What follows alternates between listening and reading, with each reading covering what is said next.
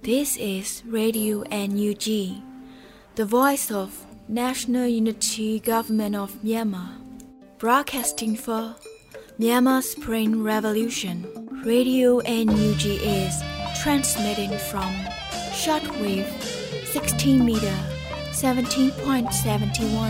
megahertz at 8 a.m. and 25 meter 11.965 megahertz at 8 p.m. Myanmar Standard Time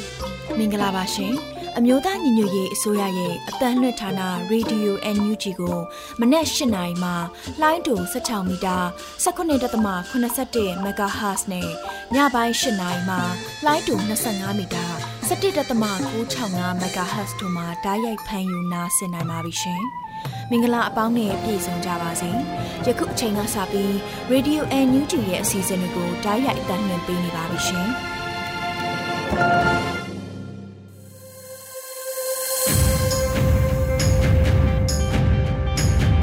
မာနိုင်ငံသူနိုင်ငံသားအပေါင်းတဘာဝပြီးဆရာနာရှင်ဘေးတို့ကနေကင်းဝေးပြီးကိုစိတ်နှပါကြားမလုံးခြုံပေးကင်းကြပါစေလို့ရေဒီယို NUG အဖွဲ့သားများကဆုတောင်းမေတ္တာပို့သလိုက်ရပါတယ်ရှင်။အခုချိန်ကစပြီး ရေဒီယို NUG ရဲ့နောက်ဆုံးရသတင်းအကျဉ်းများကိုလွတ်လပ်နေဦးကတင်ဆက်ပေးပါမယ်ရှင်။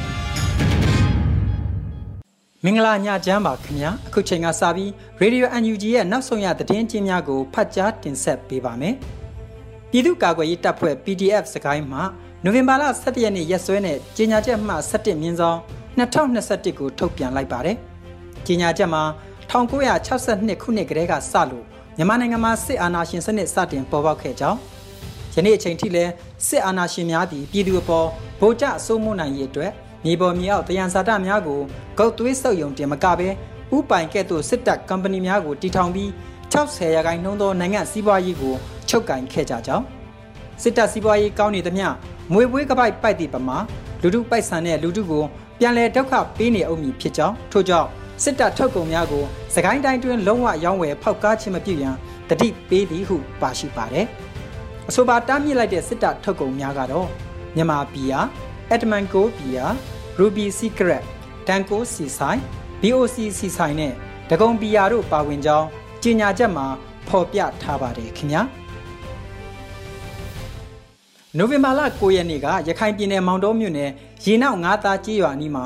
ရခိုင်တပ်တော် AA နဲ့ အာနာသိစစ်ကောင်စီတပ်တို့တကြော့ပြန်တိုက်ပွဲပြန်လည်စတင်ခဲ့ပြီးနောက်မှာနိုဝင်ဘာလ17ရက်နေ့နနက်7:00နာရီအချိန်ခန့်မှာလဲထပ်မံတိုက်ပွဲဖြစ်ခဲ့ကြပါတယ်။နိုဝင်ဘာလ9ရက်နေ့တိုက်ပွဲမှာထိတွေ့ဖြစ်ခဲ့ပြီးထိုနီးတစ်ပွိုင်မှာစစ်ရေးတင်းမာနေတယ်လို့ AA တပ်ဖွဲ့ပြောခွင့်ရပုဂ္ဂိုလ်ခိုင်တုခကမီဒီယာများကိုဖွင့်ဟခဲ့ပေမဲ့လည်းစစ်ကောင်စီတပ်ဘက်ကတော့သူတို့ဟာ AA နဲ့ဖြစ်ခဲ့တာမဟုတ်ပဲအာဆာဖွဲ့နဲ့သာတိုက်ပွဲဖြစ်ခဲ့ကြောင်းညင်းဆိုခဲ့ပါသေးတယ်။အခုဆိုရင်တစ်နှစ်ကျော်နှစ်နှစ်နီးပါး အပြစ်အခတ်ရန်နာခဲ့ရမှခုလိုတကြော့ပြန်တိုက်ပွဲများပြန်လည်စတင်လာတာဖြစ်ပါတယ်ခင်ဗျာ။မြန်မာနိုင်ငံအောက်ပိုင်းတနင်္သာရီတိုင်းတဝက်ခရိုင်တစ်ခုလုံးမှာအမျိုးသား2ဦးတည်းဆိုင်ကယ်အတူစီးခွင့်ကိုအာနာသိန်းစစ်ကောင်စီကပိတ်ပင်တားမြစ်လိုက်တယ်လို့သိရှိရပါတယ်။စစ်ကောင်စီလက်အောက်ခံတိုင်းရဲတပ်ဖွဲ့ကထုတ်ပြန်ခဲ့ခြင်းဖြစ်ပြီးဆိုင်ကယ်မောင်းသူဟာတဦးတည်းမောင်းနှင်လို့ရကြောင်းနောက်မှာအမျိုးသမီးလိုက်စီးလို့လည်းရကြောင်း အမျိုးသမီးနှစ်ဦးတွဲစီးလို့လည်းရကြောင်းဒါပေမဲ့အမျိုးသားနှစ်ဦးတွဲစီးခြင်းကိုတားမြစ်လိုက်တယ်လို့သိရပါတယ်အခုလိုတားမြစ်ချက်ကိုအာနာသိန်းစစ်ကောင်စီရဲ့တိုင်းအစိုးရညွှန်ကြားချက်နဲ့ထုတ်ပြန်တာဖြစ်ပြီးဘာကြောင့်အခုလိုပိတ်ပင်ရတယ်ဆိုတာနဲ့မလိုက်နိုင်ရင်ဘလို့အရေးယူသွားမယ်ဆိုတာတဲတဲကွယ်ကွယ်မသိရသေးပါဘူးခင်ဗျာဖေဖော်ဝါရီလ၁ရက်နေ့ကစလို့ဥပဒေမဲ့အာဏာသိမ်းမှုကြီးကိုမြန်မာစစ်တပ်ကကျူးလွန်ခဲ့ပြီးနိုင်ငံကောင်းဆောင်များလွှတ်တော်ကိုယ်စားလှယ်များတက်ကြွလှုပ်ရှားသူများနဲ့ အာဏာရှင်စနစ်ကိုဆန့်ကျင်တဲ့ပြည်သူများပါမကြမ်းလိုက်လံဖမ်းဆီးညှဉ်းပန်းတပ်ဖြတ်တဲ့အဓမ္မမှုကြီးကိုအာဏာသိမ်းစစ်အုပ်စုကဆက်လက်ကျူးလွန်နေဆဲဖြစ်ပါတယ်။နိုဝင်ဘာလ17ရက်နေ့မှာလဲမတရားဖမ်းဆီးခံထားရတဲ့တနင်္သာရီတိုင်းဝန်ကြီးချုပ်ဦးမြင့်မောင်ကိုထောင်ဒဏ်17နှစ်ချမှတ်ခဲ့တယ်လို့သိရှိရပါတယ်ဝန်ကြီးချုပ်ဦးမြင့်မောင်ကိုစစ်ကောင်စီကပုံမှန်905ခခွေရထောင်ဒဏ်2နှစ်ရာဇသကြီးဥပဒေပုံမှန်409ရထောင်ဒဏ်9နှစ် တဘာဝပေးဥပဒေပုံမှန်25ရထောင်ဒဏ်2နှစ်စစ်စုပေါင်းအလုပ်နဲ့ထောင်ဒဏ်17နှစ်ကြာခံစီခဲ့ပါတယ်ပြီးခဲ့တဲ့ရက်ပိုင်းတုန်းကလည်းကရင်ပြည်နယ်ဝန်ကြီးချုပ်နန်းခင်ထွေးမြစ်ကိုမတရားဆွဲဆိုထားတဲ့ဥပဒေပုံမှန်များနဲ့ထောင်ဒဏ်85နှစ်ကြာခံစေခဲ့ကြပါတယ်။ဒါပြင်ကရင်ပြည်နယ်စီပင်ဝန်ကြီးဦးတန်းနိုင်ကိုလည်းထောင်ဒဏ်အနှစ်60အထိအမြင့်ဆုံးပြစ်ဒဏ်တွေအသီးသီးချမှတ်ခဲ့ပါသေးတယ်ခင်ဗျာ2021ခုနှစ်နိုဝင်ဘာလ17ရက်နေ့မှာ ခလာရ285တပ်ဖွဲ့ဝင်တွေဟာမီတာကြီးရွာတွင်နေမြေရှင်းလင်းမှုပြုလုပ်ပြီးနောက်ပိတ်တဝဲခရိုင်လေမူလာမြို့နယ်ထိန်းချုပ်နေမြေအတွင်းရှိပဝက်ဖျားကြီးရွာနဲ့ဒူးရင်ပင်ရှောင်ကြီးရွာနီးရှိဂျက်ကားကြီးရွာကိုရောက်ရှိခဲ့ပါတယ်။ထို့နောက်ဂျက်ကားကြီးရွာရောဘာချန်မှာအလုတ်လုတ်ကင်နေတဲ့ရောဘာချန်အလုတ်သမားတူဖြစ်သူမဝေလင်းသူအသက်28နှစ်ကိုနနက်3နာရီဝန်းကျင်ခန့်မှာစစ်ကောင်စီတပ်များကအကြောင်းမဲ့ပစ်ခတ်တာကြောင့်တေဆုံးသွားပါတယ်။ထိုပစ်ခတ်မှုမှာ အာနာသိစစ်ကောင်စီလက်အောက်ခံပြည်သူ့စစ်အမိခံတပ်ဖွဲ့ဝင်များပါဝင်ပတ်သက်နေကြောင်းသိရတယ်လို့ကရင်မျိုးသားအစည်းအရုံး KNU ဗဟိုသတင်းပြန်ကြားရေးမှနိုဝင်ဘာလ17ရက်နေ့ကသတင်းထုတ်ပြန်လိုက်ပါတယ်။တေဆုံးသွားတဲ့မဝေလင်းသူမှာကြံရစ်သူသမီးငယ်လေးတယောက်ရှိတယ်လို့လည်းဒေသခံများရဲ့ပြောကြားချက်ကိုကိုးကားပြီး KNU သတင်းပြန်ကြားရေးကဖော်ပြခဲ့ပါတယ်ခင်ဗျာ။မတရားဖမ်းဆီးခံထားရတဲ့နိုင်ငံတော်၏အတိုင်ပင်ခံပုဂ္ဂိုလ်ဒေါအောင်ဆန်းစုကြည်တက်တော်စောက်ဖွဲ့မှခေါင်းဆောင်ရဲအုပ်ပြည့်ဖြိုးနိုင်ဟာ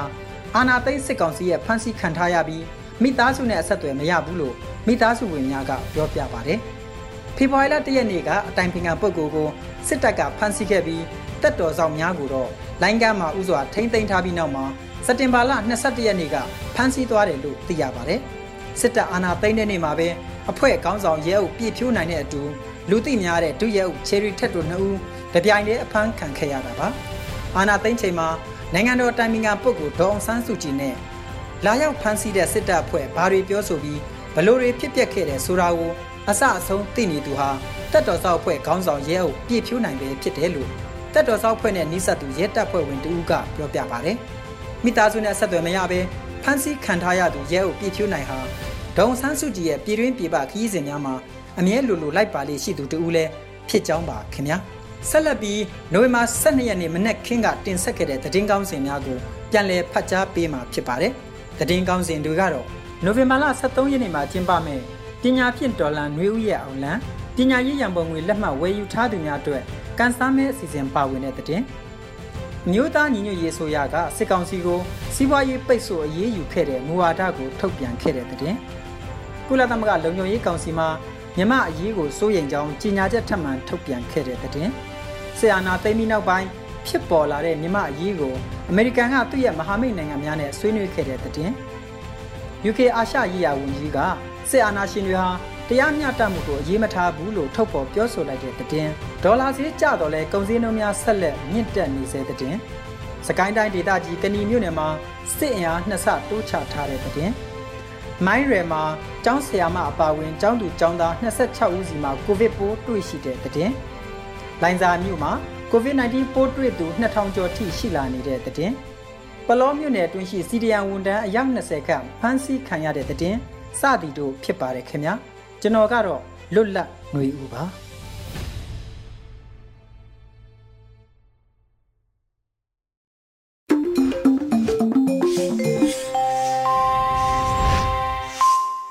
ရေဒီယို UNG ရဲ့နောက်ဆုံးရသတင်းအကျဉ်းများကို နားဆင်ကြရတာဖြစ်ပါတယ်။ အခုဆက်လက်ပြီးဆရာအောင်ဝေးရေးသားထားတဲ့ပြည်တော်ဝင်ခန်းပြုတ်အမြင်ရကြပြာကို နားဆင်ကြရမှာဖြစ်ပါတယ်။မင်္ဂလာပါကျွန်တော်ဆရာအောင်ဝေးရဲ့ပြည်တော်ဝင်ကန်းပြုတ်ဆိုတဲ့ကြပြလေးကိုဖတ်ပြချင်ပါတယ်ပြည်တော်ဝင်ကန်းပြုတ်အောင်ဝေး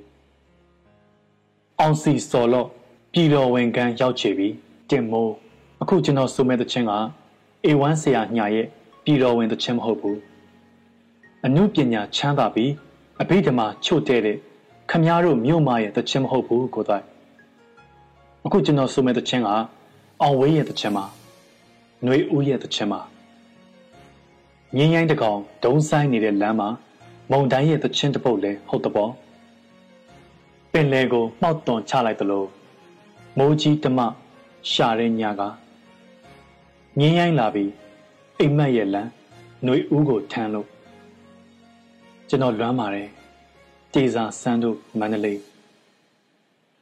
ဟိုတလောကရင်အမောမပြေ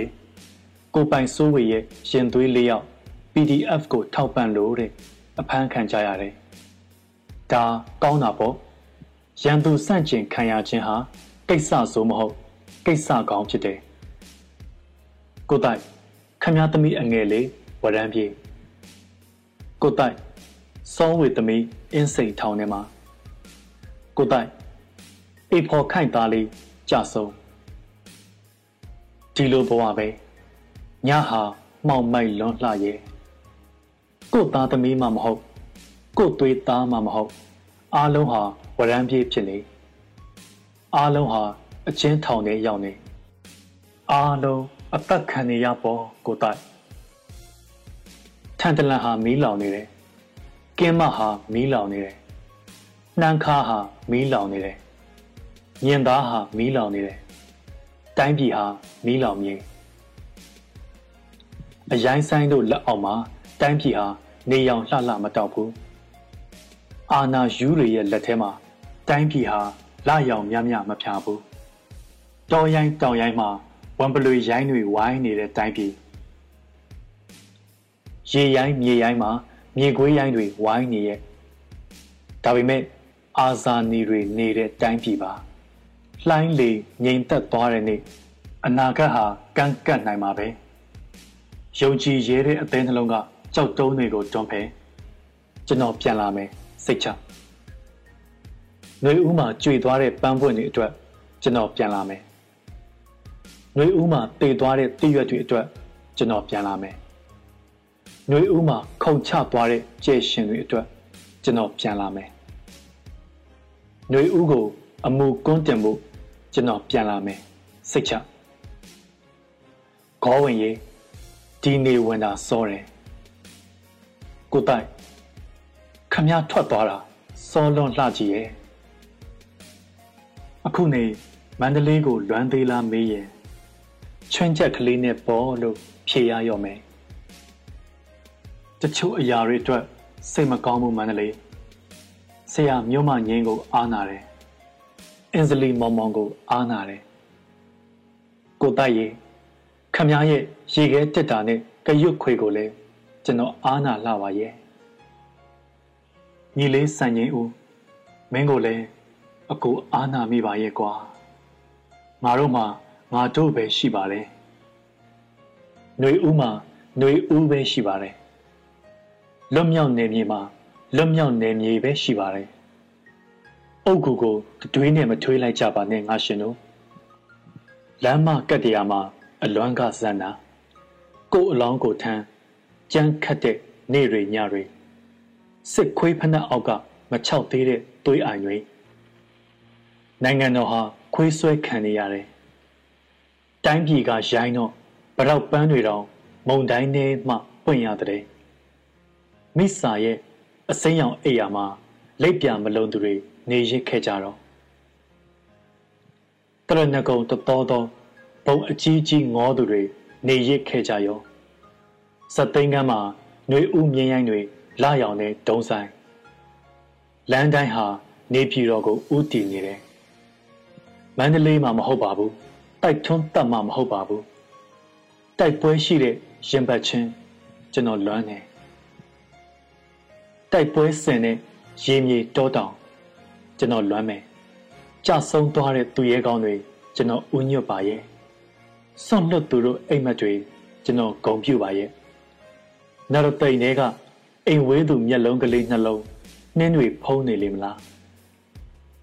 ညအခါမှောင်းနေတဲ့လေထုထဲမှာတော့မတရားမှုရဲ့အနက်တစုံကိုရတယ်ရှုမြောက်ခင်းဟာစင်စင်လဲကျိုးကျိန်နေပေါ် မြေခွေးတွေနဲ့တိမ်သေးကောင်ရဲ့ဇာပနာဟိုတုန်းကလေညင်းတဲ့အပြေးပြိုင်အနိုင်ရသူစမ်းကြောင်းရေရဲ့အလောင်းတွေပြည့်လို့စစ်သုံးတင့်ကားတွေနင်းသွားတဲ့ညနေခင်းခမတွေးချင်းချင်းနေပေါ်မြားသစင်းလွှတ်လိုက်ရင်လေးညို့ကလွမ်းလို့မဆုံးတော့ဒီလိုပဲဓာသွားတစုံလှမ်းငေးလိုက်ရင် အောင်ဝေးကိုမြင်မှာပါစစ်ဖက်နှက်တွေနင်းသွားတဲ့စပားကင်းကလေးဟာကျွန်တော်ဖြစ်တယ် စစ်ခွေးတွေပစ္စည်းလူမီးရှို့ပြကျသွားတဲ့ရာတော်အိမ်ကလေးဟာကျွန်တော်ဖြစ်တယ်တမရာကြီးဒူဝါလက်ရှိလဒီဒေးကြီးညာတဲ့နေ့ကပထမဆုံးပေါက်တဲ့တနတ်တန်ဟာကျွန်တော်ပေါ့မိတ်ဆွေတို့ရေမိစ္ဆာတစီတွေလာကြပေါ့တခါတခါအိတ်မပြောသူစပယ်ပင်ကလေးဟာကျွန်တော်ပါပဲတိမ်ကြားရှိအုတ်ကူပေါ်ကအမည်မဖော်လို့သူငှက်ပြလေးတစ်ကောင်ဟာလေကျွန်တော်ပါပဲမန္တလေးရဲ့ မန္တလေးကိုချစ်တဲ့အထဲမှာမြစ်လိုနှက်တဲ့ခစ်တဲ့ခုခံစစ်ကိုမြင်းလိုလွှတ်ကြောင်းထားတဲ့ဓားတွေရဲ့တေးသံပါတယ်ကိုကိုနန်းသွားတဲ့နန်းရှိကလေပြေချိုရီအဲ့ဒီမှာလွမ်းနေလိုက်တတိုင်းတပြည်လုံးဟာကြိမ်မီအုံနေတယ်တတော်လုံးကျွေတတောင်လုံးမှိုင်းတမိုင်းရဲ့တုတ်တံမှာမျက်ရည်ကိုမြုပ်နှံနေရပေါ့ခွေးအားတကောင်ကြောင့်လှောင်ကြိုင်နေမောင်မောင်ပိမ့်ပိမ့် တွေးအလိမ့်လိမ့်နဲ့ငိမ့်ချမ်းရေးဟာတည်နေပေါ့တောင်ကွေးကလေးမှာခွေခွေကလေးနေရှာပေါ့ခွေးအားကြီးမင်းအောင်လိုင်းသူ့တိုင်ယာတွေမှာသူ့ကလထိုင်ဟာသူ့ရဲ့မရဏနိုင်ငံပဲသူကမရဏအလံထူရင်ငါတို့ကအမတ်တအလံထူရမယ်။ຫນွေဦးအမတ်တမှာမင်းအောင်လိုက်မင်းငါတို့ကိုအညံ့ခံရမယ်။တခုရှိရဲ့အလံထူတိုင်းအတန်မကူရင်တော်လှန်ရေးဟာ ဘူးပဲကိုလူတို့အတန်ကူမှရန်သူကငါတို့ကိုခံရမယ်။အတောင်မှန်တူတဲ့ငှက်တွေတအုပ်တစ်ဖွဲ့တည်းပြန်တမ်းမြင်မနှက်ဖြံမှမဟုတ်ပါဘူး။အခုပဲကျွန်တော်တို့ညီကြစို့တပတ်ခါမှမဟုတ်ပါဘူးလက်ငင်းပဲကျွန်တော်တို့ခြိကြစို့ညီပူလေးတို့ရဲ့မန္တလေးစူးနဲ့ပိုင်တတို့ရဲ့ရွှေမန္တလေးကိုပါဟင်းရဲ့ မန္တလေးစေးရုံကြီးပေါ်ကရိုးမခေါ်တန်းအိမ်ရှိကတမာပင်ဝိုင်းဝိုင်းလေးမှာအကိုင်းတကိုင်းအခုတ်ခံထားရမန္တလေးဆိုတာအမှုပညာတစ်ခုတည်းကောင်းယုံနဲ့လက်ပြလုံကျင်တဲ့မြို့မဟုတ်ဘူးကပလင်မန္တလေးတို့သွားရလမ်းမှာခမည်းပါမြင်ခဲ့တယ်လေကျုံရည်ပြင်မှာနှွေဦးကိုမြင်မယ်မြို့ရိုးပေါ်မှာနှွေဦးခေါ်တန်ကိုကြားမယ်။အော်အလံမဝေးတဲ့ အမေလူတုဒေါ်အမာတို့ရဲ့မဟာမန္တလေးလွမ်းနေတဲ့အတိတ်ကလေးရှိရင်စိတ်แท้ကလည်းမန္တလေးနဲ့သွေးသားတော်ဆက်လို့ရတာပဲအိုမန္တလေးကျွန်တော်ရဲ့မန္တလေးမန္တလေးရေတိုင်းပြည်ကလက်ပြေးဖို့ကြံနေတဲ့စစ်ခွေးတကောင်ကိုနောက်ကျောကြည်စံတတောင်းကအသင့်ဆောင်နေလေရဲ့ကျွန်တော်ပြန်လာခဲ့မယ်ရံမကုံသေးတဲ့ရန်ကုန်ကိုຫນွေဥတပုံတွေတိမ့်တဲ့အခါကျွန်တော်ပြန်လာခဲ့မယ်နေပြည်တော်ကငပြောတော်ကြီး မီးလောင်ပြကျသွားတဲ့အခါကျွန်တော်ပြန်လာခဲ့မယ်လမ်းဘေးကတောပန်းဝါဝါကလေးတွေတောင်နန်းဆန်ကြက်တည်ရှိလှပနေတဲ့ရှုမဝနဲ့မြောက်ရီညီအမနှစ်ယောက်ရဲ့မန္တလေးရေတနေ့ကျရင်ဂေါဝင်ကန်းကလမ်းကလေးတလန်းကိုတိုက်ထွန်းတက်လန်းလို့နာမည်ပေးမယ်လမ်းထိပ်မှာအတိတ်ရစိန်ပန်းပင်တစ်ပင်စိုက်မယ်စိန်ပန်းပင်ရိပ်မှာမြင်းရိုင်းကိုချိတ်ထားမယ်အောင်ဝေးပြန်လာရင် ခမည်းမြင်အောင်ပေါ်ကိုတိုက်အောင်ဝေးစက်တင်ဘာ25 2021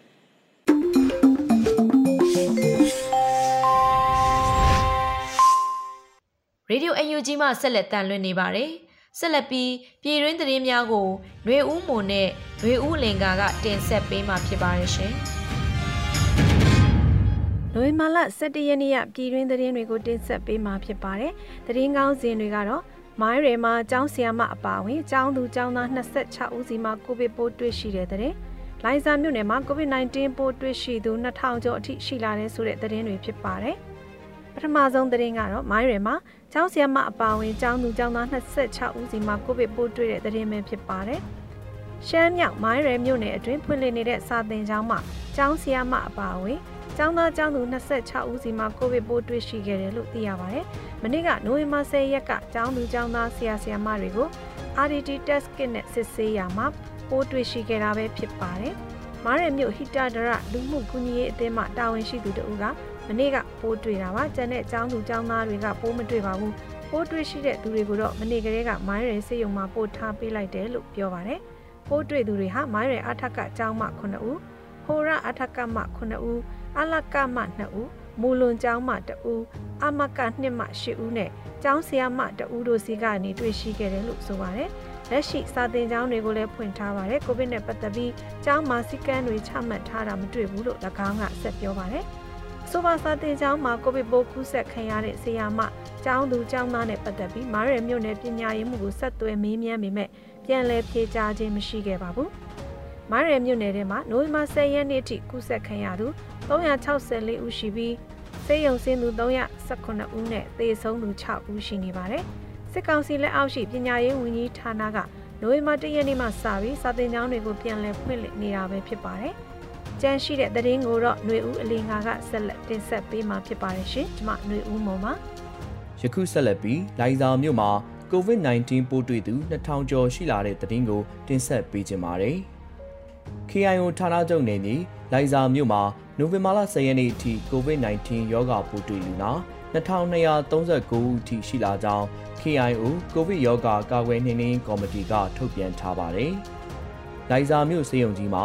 နိုဝင်ဘာလလာဆန်းပိုင်းကစပြီးအရေးပေါ်လူနာများကိုသာလက်ခံကုသပေးနေကြောင်းနဲ့တာမန်ဖျားနာတဲ့လူနာတွေကိုရက်ကွက်ဆေးပေးကန်းတွေမှာလက်ခံကုသပေးနေကြောင်းသိရှိရပါတယ်။ KIO က ကိုဗစ်ရောဂါကူးစက်တဲ့ပိုးတွေ့လူနာတွေကိုအစားအသောက်နဲ့ဆေးဝါးများထောက်ပံ့လျက်ရှိကြောင်းသိရှိရပါတယ်။နိုဝင်ဘာလ2ရက်နေ့ကစပြီးလိုင်ဇာမြို့တမြို့လုံးနဲ့စစ်ရှောင်းစခန်းတွေကိုအသွာအလာကန့်သက်ထားပါတယ်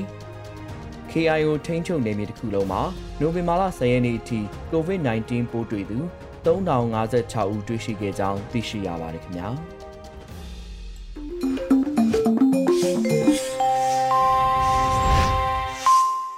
ရေဒီယို UNG မှဆက်လက်တန်လွှင့်နေပါတယ်။ဆက်လက်ပြီးအမျိုးသားရင်ငွေရေးဆိုရ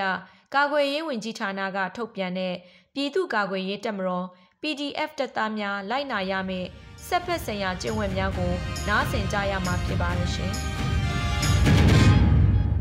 အမျိုးသားညီညွတ်ရေးအစိုးရကာကွယ်ရေးဝန်ကြီးဌာနလက်အောက်ရှိပြည်သူ့ကာကွယ်ရေးတပ်မတော် PDF တပ်သားများလိုက်နာရမယ့်စစ်ဖက်ဆိုင်ရာကျင့်ဝတ်တွေရှိပါတယ်။အဆိုပါစစ်ဖက်ဆိုင်ရာကျင့်ဝတ်တွေကတော့ စစ်တီတော်ကျင့်ဝတ်စည်းမျဉ်းများ၁စစ်ရေးရည်မှန်းချက်များဖြင့်သာတိုက်ပွဲဖော်ဆောင်ရမည်၂စစ်စင်ရေးဆောင်ရွက်ရာတွင်လိုအပ်သောအင်အားကိုသာအသုံးပြု၍ထိခိုက်ပျက်စီးမှုအ ਨੇ ဆုံးဖြစ်စေရန်စီမံဆောင်ရွက်ရမည်၃အယက်သားပြည်သူများအားကာကွယ်စောင့်ရှောက်ရမည်အယက်သားပြည်သူပိုင်ဥစ္စာပစ္စည်းများကိုထိပါခြင်းမပြုရ၄ဘာသာရေးအဆောက်အအုံများနှင့်ယဉ်ကျေးမှုအမွေအနှစ်များကိုလေးစားတန်ဖိုးထားရမည်၅ လက်နက်ကင်ပဋိပက္ခဆိုင်ရာဥပဒေတာများကို ဖောက်ဖျက်ကျူးလွန်ခြင်းမပြုရ6ခေါင်းဆောင်များသည်စံနမူနာပြခေါင်းဆောင်မှုကိုပြသ၍လက်အောက်ငယ်သားများအပေါ်ကြောသားရင်သားမခွဲကြဘဲတရားမျှတစွာကုတ်ကဲအုပ်ချုပ်ရမည်ခုနှစ်အထက်ကုတ်ကဲမှုအစဉ်အဆက်မှပေးအပ်သော အမိန့်နှင့်တာဝန်များကို လေးစားလိုက်နာရမည်ရှစ်တပ်ဖွဲ့ဝင်အချင်းချင်းရဲဘော်ရဲဘက်စိတ်ဖြင့်ပူးပေါင်းဆောင်ရွက်ရမည်ကို လူမျိုးဘာသာကြားမှလိန်စိတ်ခံယူချက်ကွဲပြားမှုအပေါ်မူတည်၍ခွဲခြားဆက်ဆံခြင်းမပြုရ30မူရစ်စေဝါသုံးဆွဲခြင်းမပြုရ17လူမှုရေးရှုပ်ထွေးခြင်းမပြုရစစ်ဖက်ဆိုင်ရာပြစ်မှတ်တတ်မှတ်ချက်1စစ်အာဏာရှင်စနစ်၏ရန်တရားများကိုသာခြေမှုံရမည်2အယက်သားပြည်သူများအားချင်းချောက်ခြင်းပြစ်မှတ်ထားတိုက်ခိုက်ခြင်းမပြုရ3စာတင်ကြောင်းဆေးရုံ ဘာသာရေးအဆောက်အအုံယဉ်ကျေးမှုဆိုင်ရာအထိမ့်မှတ်နေရာများနှင့်အယက်သားပြည်သူများစုဝေးသွားလာလှုပ်ရှားသောနေရာများအားပြစ်မှတ်ထားတိုက်ခိုက်ခြင်းမပြုရ၄လူနာတင်ရင်များကျန်းမာရေးစောင့်ရှောက်မှုပေးသောနေရာများရှေးဦးတူနာပြုများနှင့်ကျန်းမာရေးစောင့်ရှောက်ကုသမှုပေးသူများလူမှုကယ်ဆယ်ရေးအသင်းအဖွဲ့များအားပြစ်မှတ်ထားတိုက်ခိုက်ခြင်းမပြုရလက်နက်ချအညံ့ခံသူများနှင့်စစ်တုံးပန်းများအပေါ်ပြုကျင့်ရမည့်ကျင့်ဝတ်များ၁ လက်နက်ချအညံ့ခံသူများနှင့်စစ်တုံးမှန်းများအားနှိပ်စက်ခြင်းနှင့်တပ်ဖြတ်ခြင်းမပြုရ။နှစ်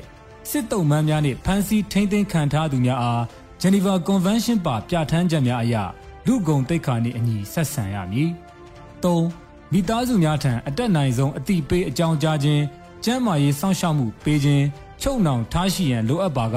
အမျိုးသားနှင့်အမျိုးသမီးတီးတန့်ခွဲခြားချုပ်နှောင်ခြင်းပြုရမည်။ အယက်သားပြည်သူများနှင့်ဆက်ဆံရာတွင်လိုက်နာရမည့်ကျင့်ဝတ်များ၁အယက်သားပြည်သူများအားယိုသေးစွာဆက်ဆံရမည်၂အယက်သားပြည်သူများအပေါ်မောက်မာရိုင်းပြခြင်းစော်ကားခြင်းအနိုင်ကျင့်နှိပ်စက်ခြင်းမူးယစ်ရန်ကားခြင်းမပြုရ၃အမျိုးသမီးများလိန်စိတ်ကွဲပြားသူများအားရုပ်ပိုင်းဆိုင်ရာစိတ်ပိုင်းဆိုင်ရာလိန်ပိုင်းဆိုင်ရာထိပါနှောက်ယှက်ခြင်းမပြုရ၄ အရေးပေါ်လိုအပ်ချက်အရာအယက်သားပြည်သူပိုင်ပစ္စည်းဥစ္စာများကိုအသုံးပြုရပါကကာလတန်ဖိုးအတိုင်းပေးချေရမည်။ငါအယက်သားများအားဒဇာကန်သိသို့မဟုတ်လူသားဒိုင်းအဖြစ်အသုံးပြုခြင်းမပြုရ6ကလေးသူငယ်များမတန်ဆွမ်းသူများအမျိုးသမီးများတက်ကြီးရွယ်အိုများစသည့်ထိရှလွယ်အုပ်စုများ vulnerable group အားအထူးကာကွယ်စောင့်ရှောက်ပြီးလိုအပ်သည့်အကူအညီများပေးရမည် အမျိုးသမီးများနှင့်ကလေးငယ်များအပေါ်လိုက်နာရမည့်ကျင့်ဝတ်များ၁အမျိုးသမီးများအားကာယင်တွေပျက်စီးစေခြင်းအဆက်ခွဲခြင်းရုပ်ညံ့စေခြင်းလိင်ပိုင်းဆိုင်ရာခေါင်းပုံဖြတ်အမျက်ထုတ်ခြင်းအကြမ်းဖက်ခြင်းမပြုရနှစ်အရွယ်မရောက်သေးသောကလေးများအားလိင်ပိုင်းဆိုင်ရာထိတွေ့ဆက်ဆံခြင်းအကြမ်းဖက်ခြင်းမပြုလုပ်ရ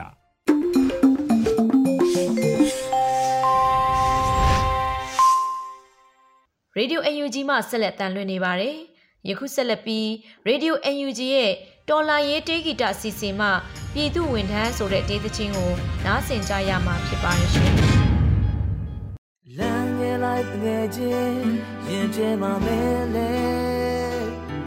မတရားကိုချစ်တယ်ဆိုတာငါတို့သိတယ်။စောက်တော်နဲ့ငယ်ချင်းကြောင်လွယ်ရဲမင်းဖြစ် ကြောင်နေချင်းငါတို့အခါကသိရလိမ့်မယ်သူတို့ထောက်တာမတရားတဲ့ဥပဒေငါတို့လိုက်နာစရာမလိုဘူးလေအာဓမ္မတရားနဲ့ချုပ်ကိုင်မှုကိုငါတို့ညှင်းဆန်ရင်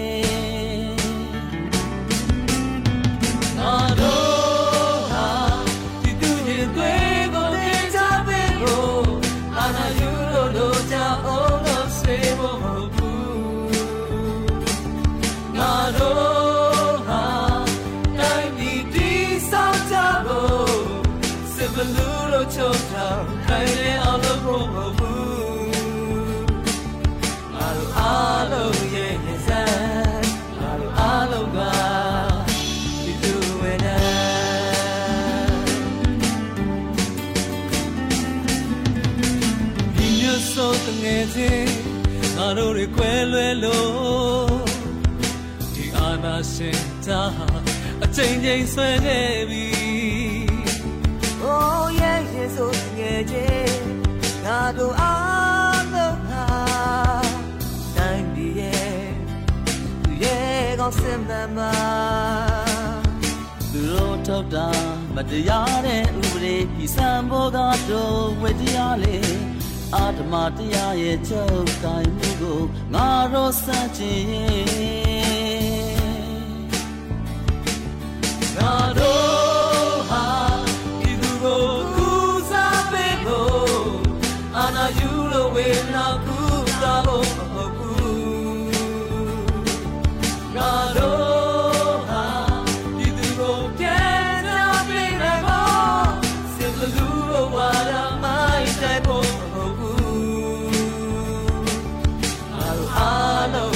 လုံးရှိလို့နဲ့ငါတို့အားလုံးက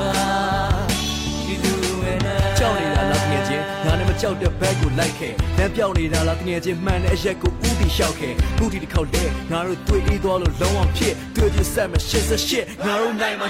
21အတလည်းမတိတ်လမ်းလည်းမလိတ်လည်းသီးစပင်းကအန်လည်းချိတ်မင်းစုံမင်းညပရင်တက်ဖြစ်ရင်ပိုကနေဆိုတော့ကမှန်စိတ်ကြီးစံနေမိကုန်ငွေတွေနဲ့လက်စိုးတွေဝိုင်းပြီးရက်ပြီးလဲဒီတွေတော်လန်ရေးပါပေးရပြအန်ကိုချိန်စေ မဲချိုင်တီလဲမင်းမမင်းနေငါတို့အားလုံးပန်းတိုင်းတူတူမရမချေလူ